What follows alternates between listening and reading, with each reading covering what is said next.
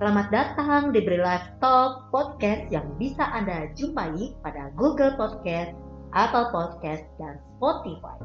Bersama saya, Rania, Regional Trainer and People Development. Seperti biasa, Coach Rania hadir kembali Bri Live Talk di podcast kesayangan Bri Liver dan seluruh Indonesia, Aceh hingga Papua. Gak berasa ya teman-teman sesaat lagi pada saat podcast ini diluncurkan kita akan mendapatkan pencapaian persistensi M3 atau M3 kita untuk produksi bulan April kemarin. Pastinya teman-teman banyak nih yang menunggu pencapaian persistensi yang pertama kali ini diimplementasikan oleh BRI Live dengan penuh harap-harap cemas. Waduh, episode kali ini kita akan membahas mengenai bagaimana sih kita bisa bersahabat dengan persistensi. Jadi, kita tidak lagi melihat persistensi sebagai sesuatu yang harus ditakutkan. Ya, kosannya sih berharap sehabis teman-teman mendengarkan podcast episode ini, teman-teman udah nggak overthinking lagi nih. Lantas bagaimana kita harus bersahabat dengan persistensi? Pertama-tama, kita harus melihat bahwa yang namanya persistensi itu bukanlah sesuatu yang harus kita takuti atau menjadi penghambat bagi sobat relivers untuk berproduksi. Ingat teman-teman, ada loh tambahannya jika persistensi teman-teman berada di tingkat di atas 90%. Pastinya teman-teman semua tahu ya perhitungannya persistensi. Nah, yang tahu dengan jawabannya ini, silahkan ya nanti siang ikut berpartisipasi di kuis makan siang dengan Relax Selain itu, kita juga bisa lebih meningkatkan produksi polis dengan cara bayar yang non bulanan, baik itu semesteran ataupun tahunan. Pastinya dengan cara bayar yang non bulanan bisa juga nih membantu unit kerja BRI-nya teman-teman untuk bisa mencapai target pilih income perusahaan anak. Jadi ukurnya bisa hijau ya teman-teman.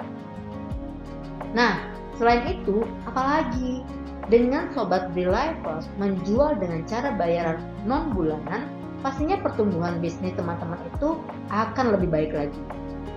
Ibaratnya nih, kalau kita tetap menjual dengan cara bulanan, pastinya kan teman-teman tuh harus monitor pembayaran preminya ya untuk premi lanjutan. Dan ini akan menyita banyak waktunya teman-teman karena teman-teman fokus kepada kolektif premi lanjutan kalau bayarnya bulanan. Sementara sobat reliever kan harus tetap berproduksi.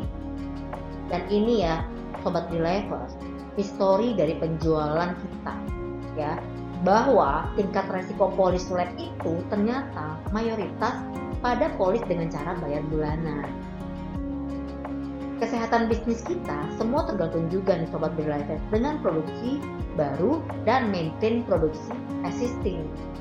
Kalau kotronnya analogikan nih ya, seperti kita tuh makan makanan enak banyak tapi yang menjadi nutrisi yang diserap oleh tubuh malah sedikit dan dan lainnya terbuang sia-sia. Mari kita coba bayangkan Sobat Relevos.